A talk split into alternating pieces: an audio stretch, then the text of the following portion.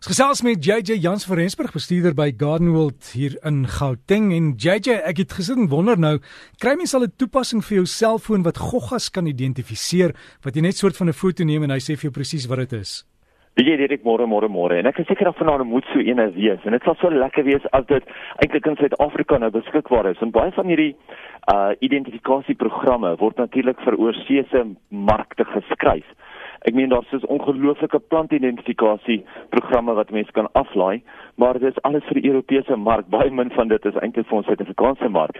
Ja, kan jy net dink hoe lekker sal dit nou wees as mense nou net so 'n applikasie kon aflaai wat jy net sommer net kon sê wat is fout met my plant en hy kon die hele plant vir jou net geanaliseer. Ja, toe maar jy sê iemand iemand luister dalk wat tot jou redding sal kom.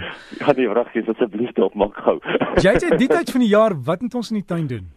Right, dit is nou hierdie tyd van die jaar wat ons moet snoei. En as ons nie nou praat oor die snoei nie, dan gaan baie mense daarvan vergeet of dit is eintlik 'n taak wat hulle altyd afstel en afstel en afstel en dan sodra dit nou eintlik gedoen moet word, dan is dit nou hopeloos te laat of gedoen moes gewees het, dan is dit nou hopeloos te laat. Laasweek het ons gepraat van die rose terugsny. Ek het nou oproepe deur die week gehad wat mense vir my gevra, "Maar wat doen ek as my rose nog vol in blom is?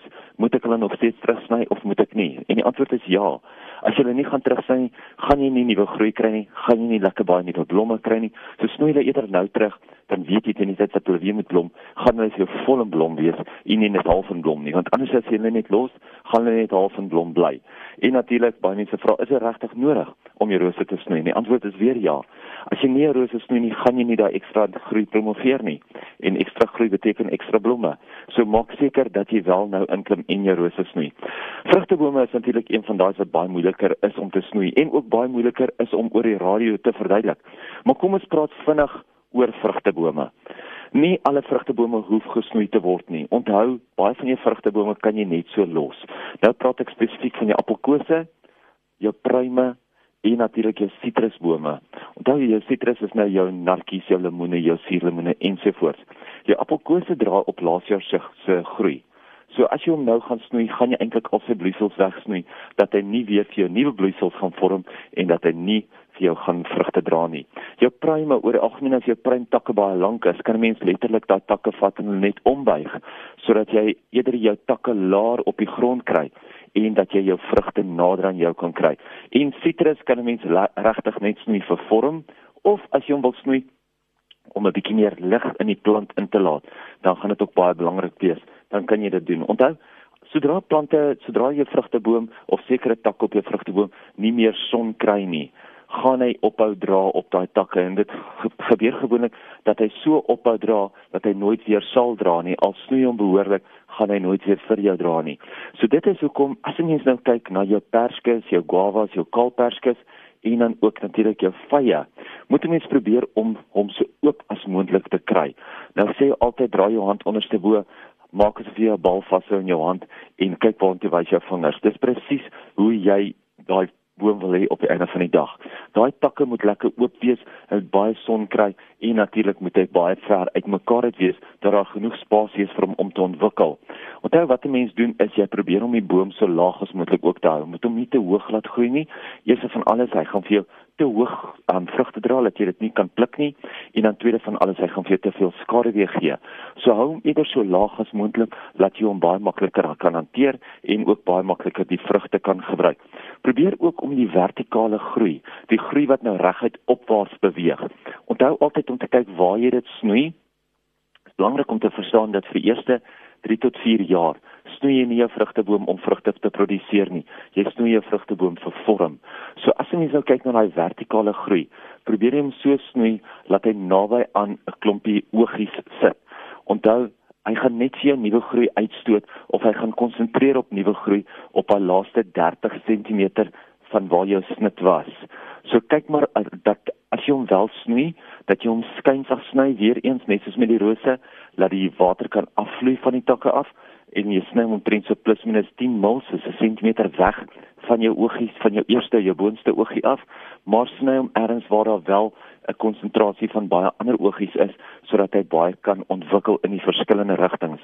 As mens kyk na jou horisontale groei, dan dan moet jy onthou dat sodra mens hom gaan sny, is dit maar meer om jou vrugte te verbeter, jou vrugkwaliteit, jou vruggrootte te verbeter sodat hy minder vrugte dra van 'n groter of van 'n beter kwaliteit, maar ook sodat die sodat die son oral kan skyn en nog steeds vir jou baie lig op die stamme kan gee, dat hy vir jou nog steeds baie bloeisels kan vorm en ook baie vrugte kan dra.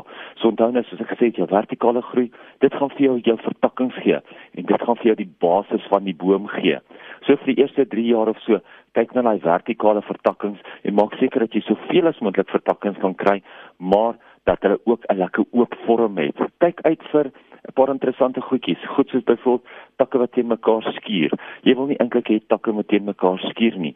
Takke wat binnekant toe groei. Jy wil nie daai takke met binne binnekant toe groei en jou skadu jou jou jou boom meer skadu gee nie. Onthou as die takke teen mekaar skuur, gaan hulle eintlik as die wind waai, gaan hy eintlik daai bloeiseltjies heeltemal afbreek in die wind.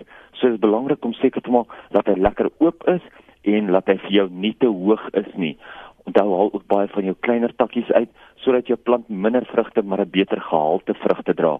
Daar is heelwat interessante wenke wat mense hele tyd kan kry oor vrugte snoei. Mag gesels bietjie met jou naaste kry, gaan gesels met hulle, vat vir hulle 'n foto en vra vir hulle, "Hoe hoe stel julle voor?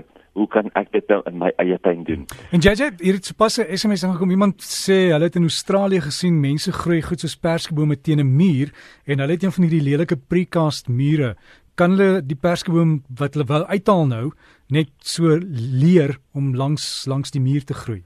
Jy kan hom leer om langs die muur te groei. Dit is gewoonlik baie makliker om dit te doen met pruime en met jou um op uh, met met met jou pere, pruime en daai van vrugtebome omdat hy 'n baie sterker sywaartse groei in hom het as wat 'n perske in hom het. Jy kan hom met 'n perske doen, maar is makliker met 'n pruim. Onthou al wat 'n mens net daar moet doen, is jy moet hom forceer om teen drade af te groei. So jy moet jou drade teen daai muur afspan. Dit is 'n baie baie ou tegniek. Dit is 'n manier hoe mense op die hele boom pragtig baie son kan gee en hy kan 'n ongelooflike mooi heining vir jou eintlik daarso vorm. So ja, mens kan dit definitief doen. So jy jy gedink dit in 'n meentuis tuin kan jy nie 'n vrugteboom hê nie. Verkeerd, hy kan teen die muur groei. O, definitief teen 'n muur in 'n pot. Daar's deesdae so baie tegnieke en maniere om vrugtebome in potte ook te kweek. Heel interessant, een van die nuwe tendense in Amerika, wel ek praat nou van 'n nuwe tendens, maar hulle doen dit al vir die laaste 5 jaar of so, is wat hulle vir jou 'n multivrugteboom op een pot of op een stam groei, sodat jy eintlik 'n vrugteboom kan in in 'n pot plant wat vir jou verskillende tipes perskes gaan gee of verskillende tipes sitrus op een boom gaan gee. Nou weet laas ek met die ouens gepraat het, toe sê hulle verkoop dit in Amerika vir so ongeveer 300 dollar stuk. so as dit nou terugwerk vinnig na die ja. lande toe, weet ek nie of ons dit in Suid-Afrika vinnig gaan kan bekostig nie. Maar dit is ietsie wat iemand dalk ergens kan begin in Suid-Afrika. Jy weet en wel nog steeds vir ons daai uniekheid kan bring na ons eie tuine toe. Direk net 'n laaste ene, mense vra my ook nou Kersbome, eh, eh, Kersrose. Is dit nou roos is die regte tyd om 'n Kersrose te snoei? Ja, jy moet jou Kersrose nou snoei. En en jy moet onthou weer eens kyk kom dit net bokant 'n oogie te snoei snoei hom redelik laag plus minus 30 40 cm van die grond af en probeer om die bos redelik egalig te hou. So jy moet so, hulle nou snoei. As jy hulle te laat in die seisoen snoei gaan hulle nie vir jou blom nie. So sny hulle nou dan weet jy dat hulle vinnig vir 'n nuwe groei gaan uitstoot en baie nuwe bosse gaan uitstoot. Onthou jou Kersroos gaan teen die stam af weer tot in die wortels van die plant gaan hy weer ontwikkel Dirk en dan Jazet, net Ekskuus maar ons ons tyd haal ons in hier. Ehm um, ek dink die beste gaan wees om net uh, by jou plaaslike kwekery te gaan vra as jy nie weet hoe nie. Sê jy moet jou jou jou Kersroos snoei. Hulle sal vir jou kan wys hoe. Dit was JJ Jansen van Rensburg gewees van Garden World en as jy wil kontak maak, gaan hoor op hulle webtuiste. Al die inligting is daar is gardenworld.co.za en lekker tuin maak.